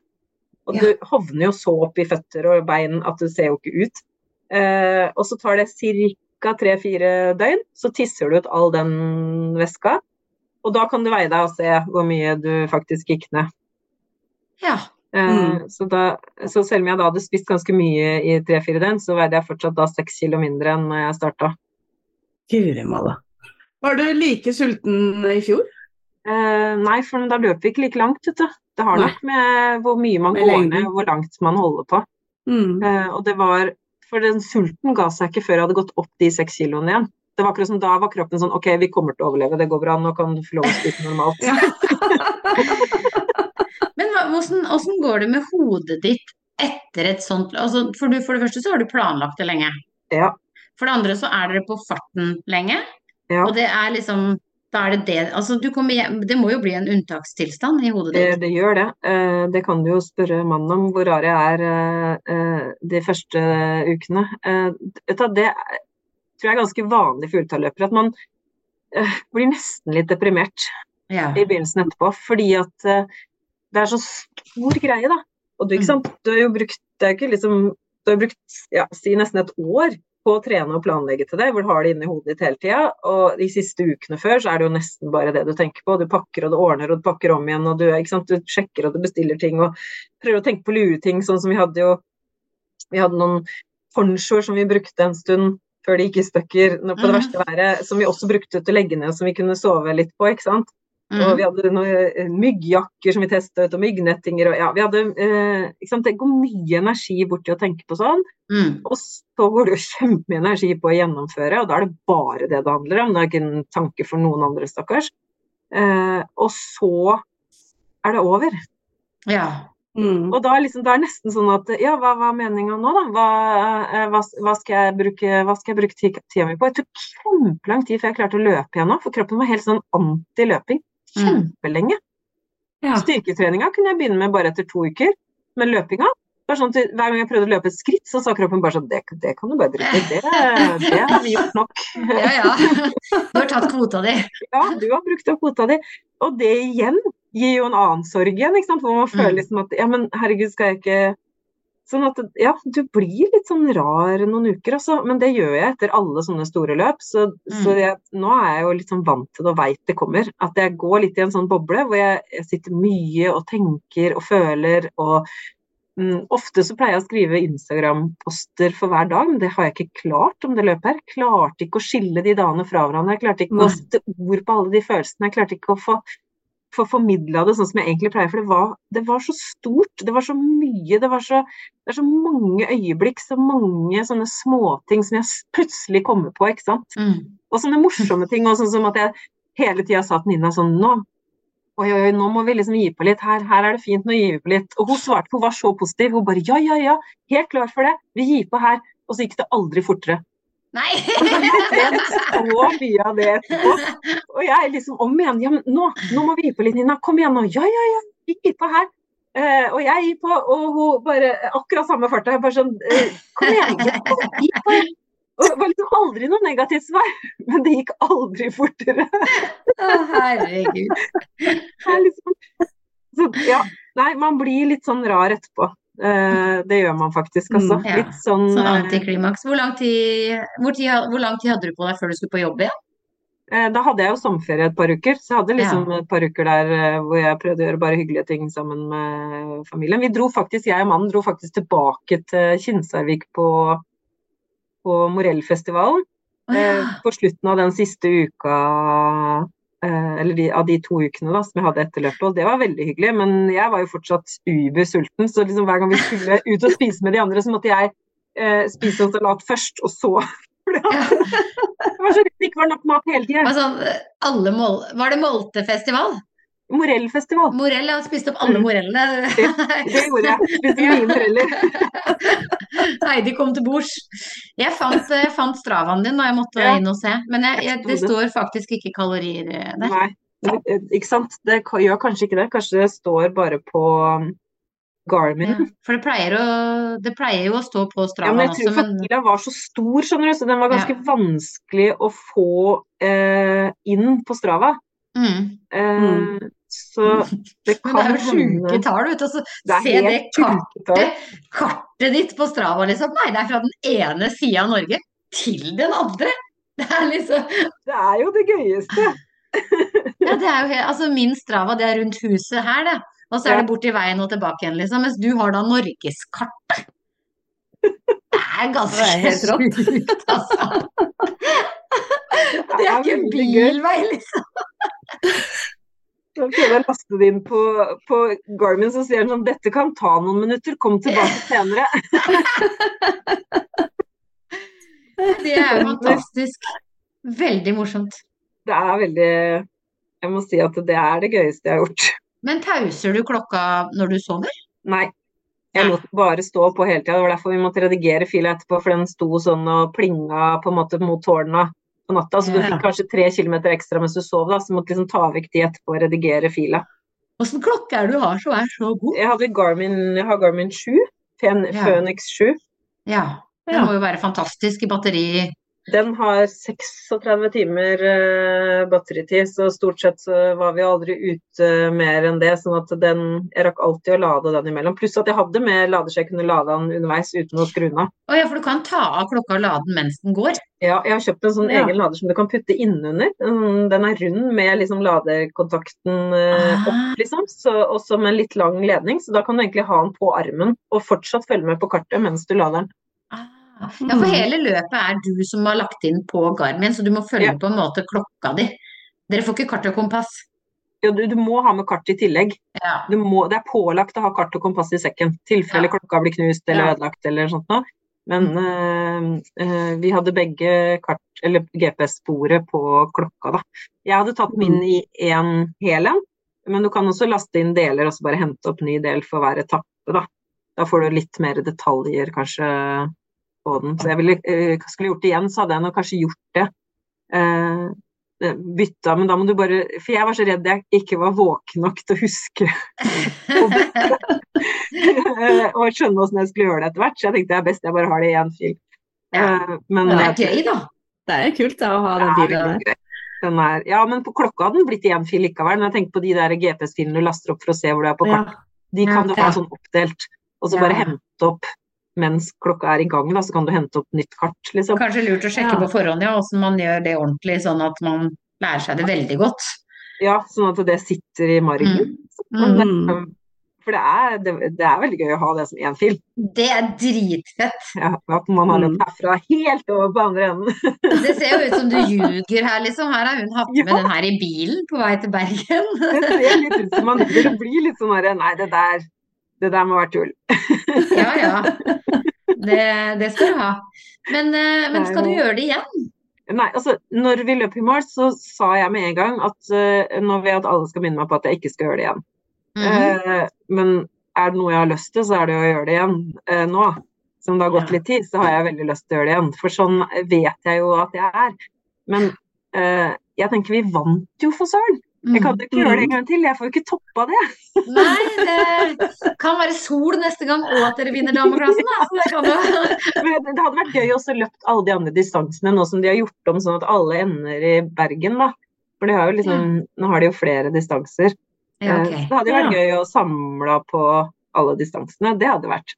Mm. Det er flere distanser, ja. Så, ja, du kan løpe I år så var det 100, 200 og 500. eh, Men neste, neste gang, også 2025, tror jeg det er enda flere forskjellige. Ja. Mm. Men Nina sier at hun ikke skal gjøre det igjen. Og jeg vet ikke om jeg har lyst til å gjøre det med noen andre heller. Og jeg vet ikke, da måtte jeg eventuelt meldt meg på solo, da, altså gjort det aleine, liksom. Ja, men som du sier, Mm. nei. Nei, jeg veit ikke, altså. Og så er det For det første er det Det er jo dyrt. Det må vi bare være. Det er dyrt å løpe så lang løp. Du trenger Mm. mye utstyr. Du trenger i hvert fall liksom ja, tre-fire par sko. Du trenger masse, ikke sant. Du må ha regntøy, du må ha ekstratøy, du må ha ulltøy, du må ha mat, du må ha Ja. Det Mm. er, det er, selv om liksom løping er en billig sport, så er det ikke så billig. Nei. I hvert fall ikke når du skal så langt. Nei. Du må ha ordentlig sekk, og du må, ikke sant? du må ha overnatting før start. Du må ha overnatting når du kommer i mål. Mm. Eh, og du Det koster jo ganske mange penger å være med òg. Mm. Eh, ganske mange tusen. Så det er jo en stor utgift. Det er ikke sånn at man kan drive med det hvert år. I hvert fall ikke kan, kan jeg det. Eh, ikke sant? Det er noe du må spare til og på en måte sette av. Og så bruker man jo veldig mye av eh, sommerferien da, på det. Ja da, er jo det litt man. man føler seg jo veldig egotripp som mamma. og bare sånn, sånn, Da skal jeg bare bruke ferien min på dette her. Så man tenker at man må i hvert fall la det gå noen år imellom de veldig lange løpa der. Ja. Mm. For det er jo liksom det er ni døgn du løper, og så er det et døgn før, et døgn etter. Mm. Ikke sant? Eh, Og så er du jo ikke deg sjøl før det har gått 14 dager etter det igjen. Nei da. Det er ikke den mest aktive mora som på en måte Nei, nå skal vi springe opp til det høyeste fjellet. Ja, selv om når vi dro på Morellfestivalen, så gikk vi jo turer, og det Du føler deg egentlig ganske sånn pigg, men mentalt er du litt sånn rar, altså, i et par uker. Du er det. Mm. Mm. Og de første dagene så svarer jeg hører meg sjøl at jeg svarer sånn sakte, som du snakker saktere. Det, det, det tar tid å få tatt igjen den søvnskaden. Mm. Liksom, jeg sov ganske mye på bilturen på vei hjem. Det var vel ikke den hyggeligste bilturen sånn for mannen, stakkars. For jeg bare var våken litt, grann, spiste litt, sovna igjen. Ja. Var ungene med ned og heia, eller? Nei, Eller var det bare Nei. Det. Var bare mannen som kom over. De er jo Ja. tenåringer, ungene, så de har, de har jo sine egne prosjekter. Ja da, det er jo sant. Ja, du slapp i hvert fall utgiften til flybillett, da. Det, det, Det er jo noe med det. Du kan bare begynne med det du nå. Du er den der vennen som sier vi kan gå dit, Ja. uansett hvor langt det jeg er. tenker sånn Hæ? Nei, vi løper dit. Det går bra. Ja. Jeg har jo noen flere sånne løp jeg har lyst til å være med på. Vet du. Det er jo det som er det verste. Som jeg, Ja, hva er neste? Nei, altså nest, i neste år så skal jeg nå ikke løpe noen så lange. Da blir det kanskje flere hundre kilometer løp, men eh, ikke, ikke så langt. Men åh, det er et sånt på Cecilia, som er et sånn 500 km løp eh, rundt Cecilia, og det frister veldig da. Det høres ut som det kan være litt finere vær, i hvert fall. Det er litt finere vær. Kan jo være veldig varmt, da. Ja. Men eh, Ja. nei, ja, jeg, jeg skal kikke litt mer på det. For det er jo gøy å ha noen sånne Men er du påmeldt noen? Nei, eh, ikke påmeldt. Jeg har påmeldt eh, Siaki Trail, som jeg pleier å løpe i Italia i mars. Ja, det skal du ha med deg. Jeg skal ha med det, men i år blir, har de jo lagt til 100 km, så jeg skal jo selvfølgelig ta det, da. For Ja, for du har pleid å ta hvor langt? det har bare vært 50. Å ja, Ja, så i år er det I 100. de- Ja, og da løper man gjennom byene to ganger. For det er ikke, det er, det er ikke to runder av samme løypa, men den løypa 100 km-løpet er jo lenger, men du begynner i den nederste byen istedenfor øverst. Så løper du alle byene, og så løper du fjellet, og så alle byene igjen. Oh ja, sånn ja. Eh, Mens på den andre så begynner du øverst, og så tar du liksom alle byene på vei tilbake, da. Så ja, hardtreninga til det begynner nå. Ja, nettopp. Ja. For det er mye trapper. Uh, Ja. Og i hvert fall når man skal ta alle trappene to ganger i tillegg, så må jo det trenes litt til. Mm. For da trener du en del styrke og sånn. Eh, ja, det er styrketreninga som gjelder Ja. der også. Mm. Eh, tre ganger i uka med styrketrening, løperelatert styrketrening. Mm. Ja. Eh, jeg bruker den appen til hun Sally McRae, eh, hun Yellow Runner, eh, ja, en kjent amerikansk ultraløper. Hun har en sånn styrkeapp som hun har veldig gode styrkeprogrammer i. Oh, ja, som er gratis, eller? Nei, du, jeg tror det koster vel 900 kroner i året å ha den ja. appen. Mm. Ja. Og den er f Hva heter appen, veit du det? Ja, den, den, selve appen heter Playbook, så det er jo millioner av trenere inne på den appen. Så når du først har betalt for det, så har du ikke tilgang bare til hennes, du har tilgang til uendelig med Ah, ja. treningsmateriale. Både Ja. yoga og styrketrening og alt du kan drømme om. Mm. Men spesielt hennes styrketrening eh, er veldig god for løpere, da. Det er veldig Mm. sånn lagt Mm. opp for løpere. For ultraløpere spesielt. Og hun het Hun heter Sally McRae. Ja, På Instagram så går hun under Yellow Runner. ja ok. Ja. Det er litt greit også å ha med seg, for at det er jo Ja. ikke alle De fleste løpere syns jo ikke at det er så gøy med styrketrening. Nei, det gjorde ikke jeg heller før også, men nå har jeg begynt å like det skikkelig. Og i hvert fall når jeg kjente hvor nyttig det var. Så jeg, det har Mm. faktisk blitt en stor glede for meg altså, å ta de styrketreningsøktene. Og nå har mannen begynt å bli med, så da har det liksom blitt en veldig sånn hyggelig greie man gjør sammen. da.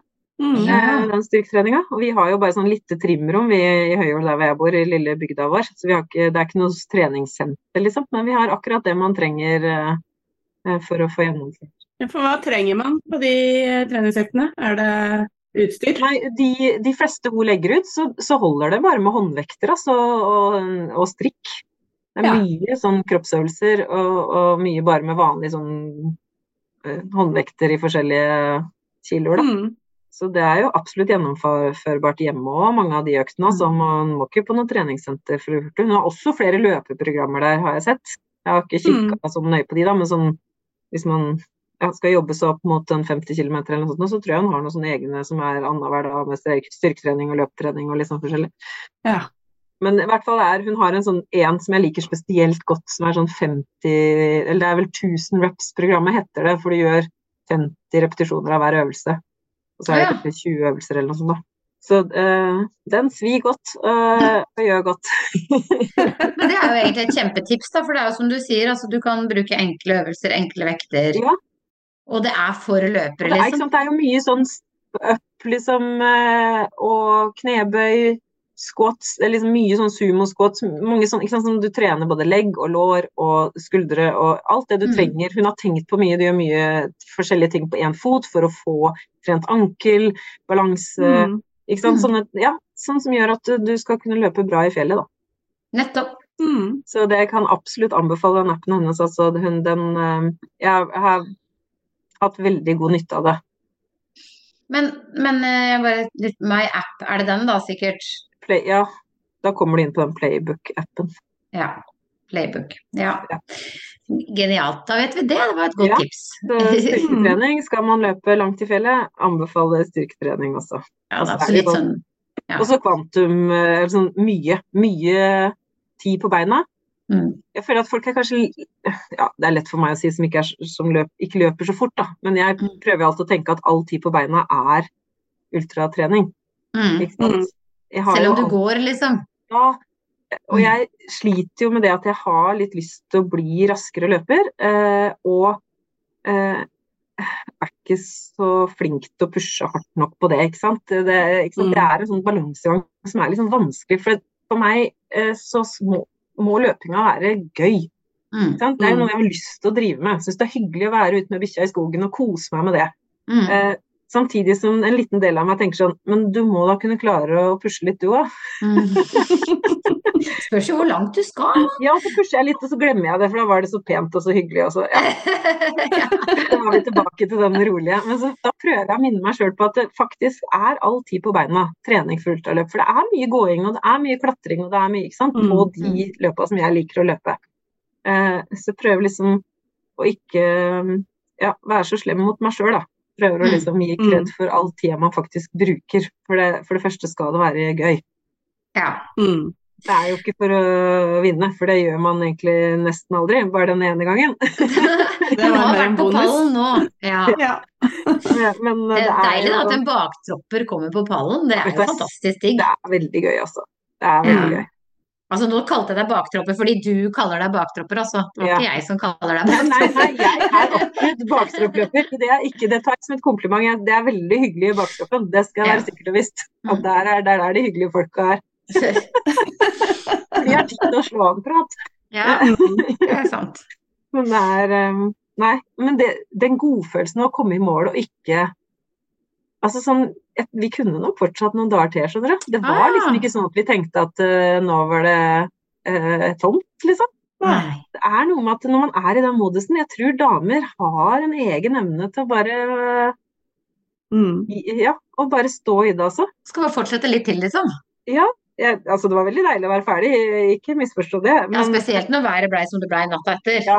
men heldig, ja, spesielt da. Mm.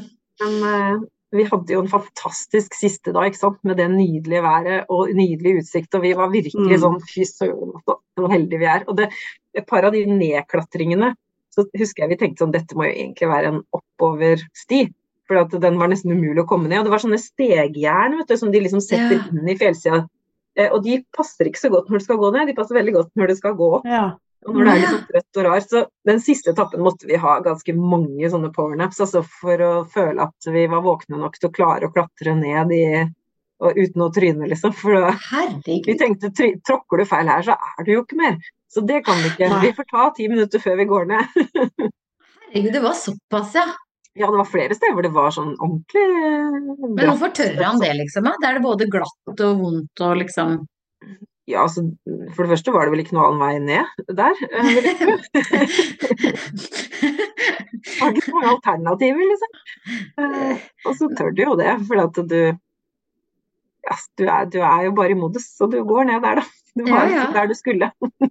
Men allikevel, liksom, bare det å legge løypa der, på en måte, er Ja, jo ja, når man vet at folk er så trøtte, men husker jeg Mm. tenkte det på det alpeløpet, og tenkte sånn at de tør det her, liksom. At ikke det Mm. er flere som egentlig skader seg skikkelig, for det er jo vanskelige tekniske stier, altså. mm. Mm. Men det går stort sett bra. Vi går jo vi, ja, vi prøver jo å være forsiktige, da. Ja, litt sånn bank i bordet. Ja, man må bare ta Akkurat der kan man ikke skynde seg, rett og slett.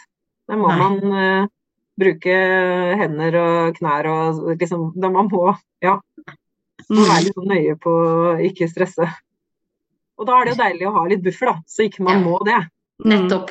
Det var nok viktig for dere i år òg, at de hadde Det forandra litt for det og litt Det sånne var ting. det som gjorde godfølelsen, vet du. At vi Mm. hadde den bufferen å gå på. At vi Mm. hele tida kunne ha lav puls på det. Det var så stor forskjell på løpsfølelsen forrige gang og den gangen her på det. Mm. Forrige gang så lå stressnivået, jeg snakka med Nina om det her om dagen òg, at forrige gang så hadde vi så høyt på en måte indre stress hele tida fordi vi så vi lå bakpå, vi lå bakpå. Vi prøvde Mm. hele tida å ta igjen, ikke sant. Ta igjen, så må du sove litt. Og så Ja, det blei veldig sånn Det ble blei veldig dårlig løpsopplevelse av det, altså. Det Mm. veldig, men den gangen her så klarte vi liksom å skaffe buffer fra start. Det var liksom målet vårt. Så vi kunne ha lav puls hele veien. Mm. Fantastisk. Hvordan lå dere an i forhold til i fjor? Hvis det ikke hadde vært 24 timer ekstra, hadde dere kommet i mål i år? Å, det har jeg ikke tenkt på, egentlig. Å nei, du har ikke det? Nei. Nei, det har jeg ikke tenkt på om vi lå Nei, jeg, øh, de la jo på 24 timer, men de fordelte jo det litt sånn ut i liksom, Mm. forskjellige etapper, da. Så jeg, det har jeg Mm. ikke, det veit jeg ikke. Nei. Nei, det kan jo hende at dere hadde vært raskere i år. Det har jeg uansett. valgt, å ikke tenke på. Kan hende vi hadde klart det uten de ekstra tidene òg. Ja. for vi, vi følte at vi liksom hadde trent veldig spesifikt og var veldig sånn forberedt. Men det er deilig å slippe det ekstra stresset, eller ha litt bedre tid. Ja, det Mm. var, det var det at man liksom kunne spise ordentlig og gå og sove Mm. litt, spise, ikke sånn bare kaste inn, vi må av gårde. Så vi Mm. var veldig bevisst på ikke somle, altså. Eh, Vi prøvde å være veldig sånn strukturert på tida. Mm. Eh, Og jo trøttere vi blei, jo mer somling blir det jo. For at Mm. man klarer på en måte ikke å gjøre ting så fort lenger. Nei, Det er. Alt er litt sånn sirup. er det mangelen på søvn? Det er verre enn mangel på mat. Det, men jeg blir Ja. veldig fascinert av den derre hvor jeg merker sjøl at jeg begynner å snakke sånn sakte.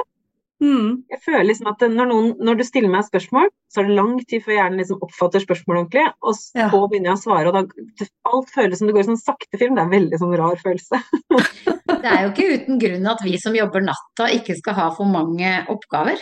Nei, ikke sant? Fordi vi Mm. blir sånn i hodet. Ja. Eh, Du blir Mm. veldig seintgående i hodet på De natta. sier jo at det er som å ha promille, på en måte. ikke sant? At det Mm. er Ja, Ja. ja. Når du kjører hjem fra jobb om morgenen, så, så, så føles det noen ganger som at jeg burde ikke kjørt. Nei, ja, Mm. det kan jeg tenke meg. Og så, vi så tar du ni døgn, og så sover du egentlig ikke noe imellom de.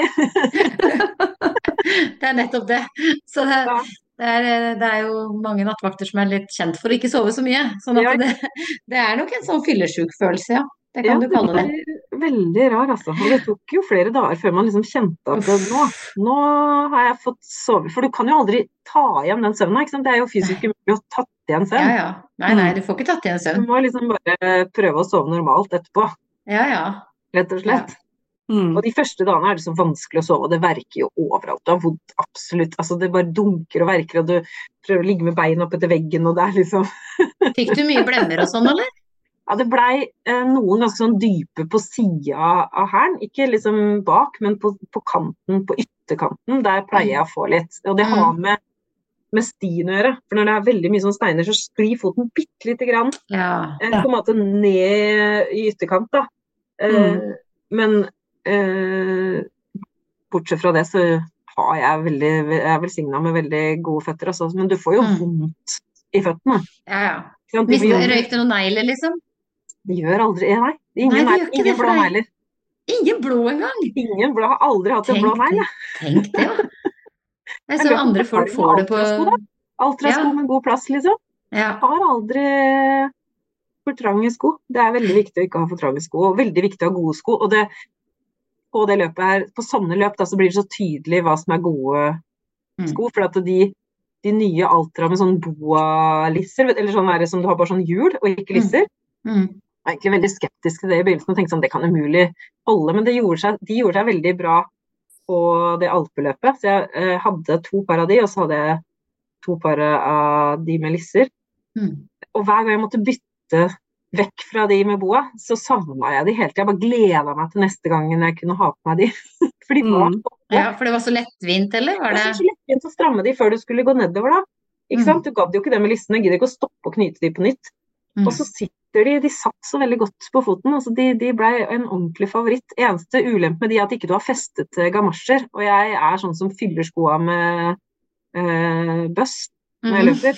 Eh, så jeg måtte ha noen andre gamasjer som er under skoen, ikke sant. Men de Ja. sklei jo av hele tida, så jeg dreiv og teipa de, og nei gud, jeg styra mye med de gamasjene en stund der. Eh, for i det terrenget så datt de jo av hele tida.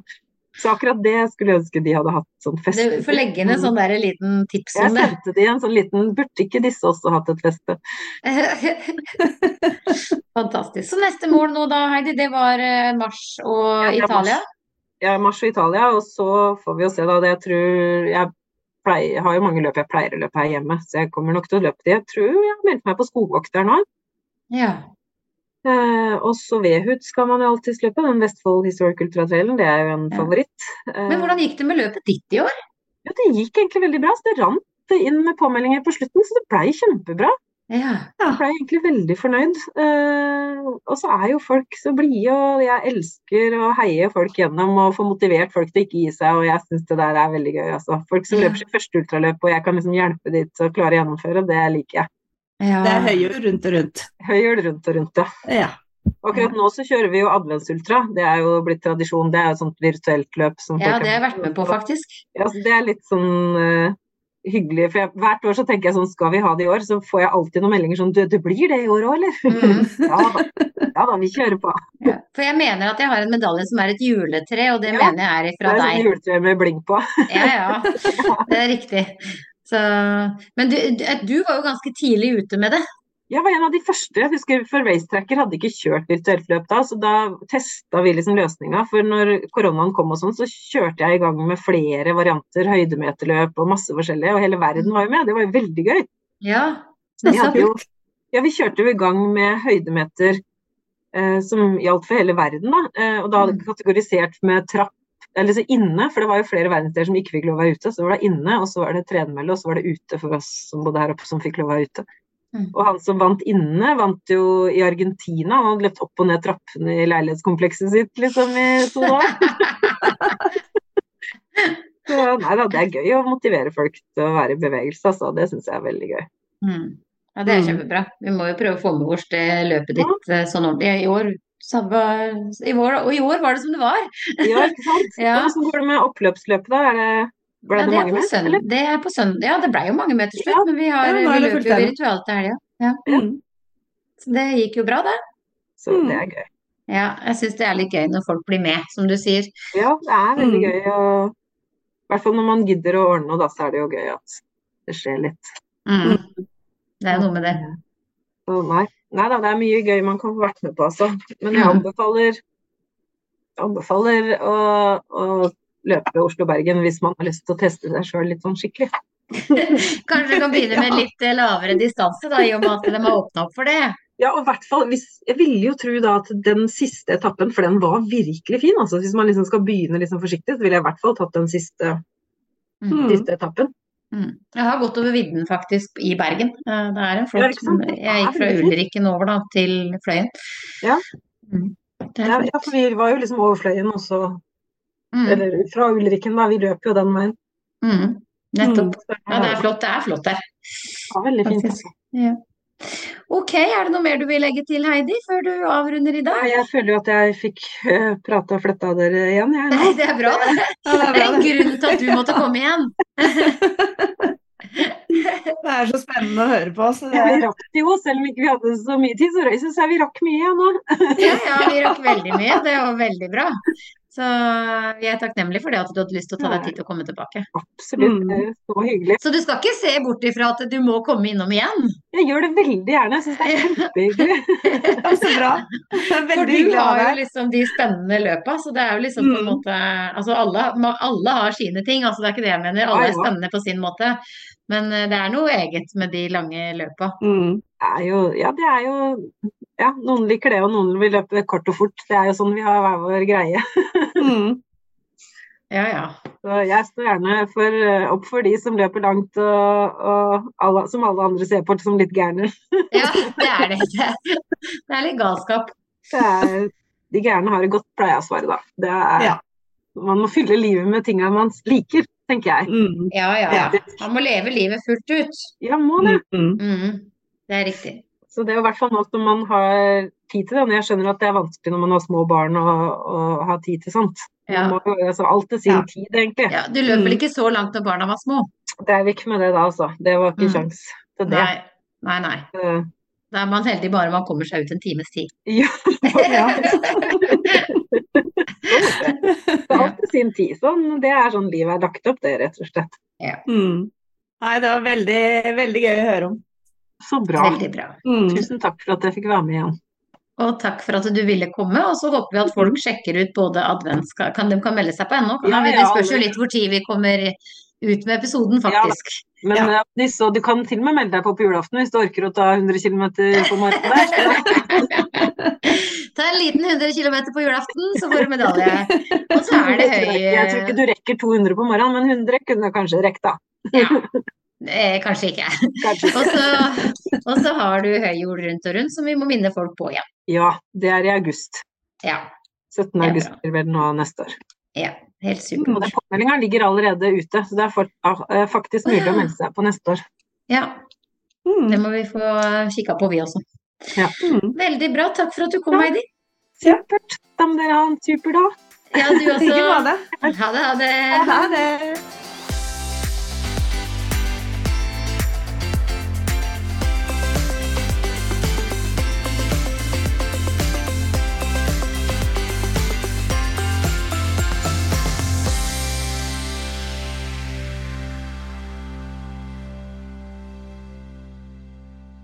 Du har nå hørt en episode av podkasten Baktroppen fra nettbutikken løpskjørt.no med Tone Nordung Pettersen og Thea Stenersen. Podkasten er redigert av Eileen Marking Nordang. Hos Løpskjørt finner du et stort utvalgt treningstøy og praktisk tilbehør til deg som løper. Nettbutikken finner du på www.løpeskjørt.no.